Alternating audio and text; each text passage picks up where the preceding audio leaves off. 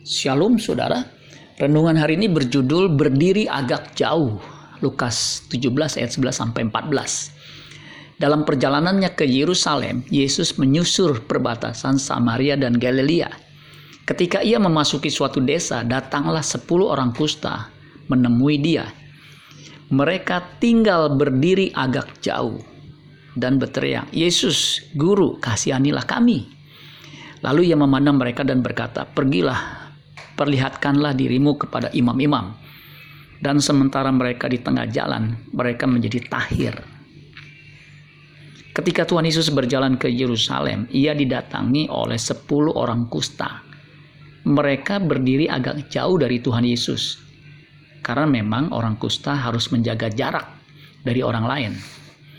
Hal ini diatur dalam hukum Taurat, Imamat 13 ayat 46 45 sampai 46 Orang yang sakit kusta harus berpakaian yang cabik-cabik, rambutnya terurai, dan lagi ia harus menutupi mukanya sambil berseru-seru najis-najis.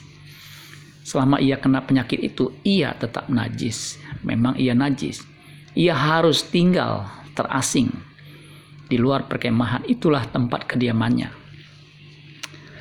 Penyakit kusta pada zaman PL Perjanjian Lama dan PB Perjanjian Baru tak terobatkan di kalangan orang Ibrani, penyakit ini dianggap najis dan berbahaya karena dapat menular. Sebab itu harus diasingkan dari masyarakat. Waktu Tuhan Yesus menyembuhkan 10 orang kusta tersebut, ia cukup berkata-kata kepada mereka.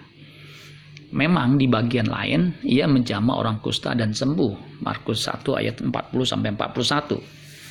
Dari dua peristiwa ini kita bisa menyimpulkan bahwa jangan mempersoalkan metode yang ia lakukan kita melihat bahwa praktek social distancing, menjaga jarak, sudah terjadi sejak lama. Jadi orang percaya jangan mempersoalkan pro atau kontra soal social distancing sehubungan dengan pandemi virus COVID-19. Tidak ada salahnya kita ikuti petunjuk pemerintah untuk kita menjaga jarak saat ini demi mencegah penyebaran virus COVID-19 sebagaimana pengalaman di masa lalu bahwa sebuah pandemi pada akhirnya juga akan berlalu. Yang penting kita tidak hidup dalam ketakutan dan kepanikan. Tetap berdoa agar Tuhan menolong pemerintah mengambil keputusan yang tepat.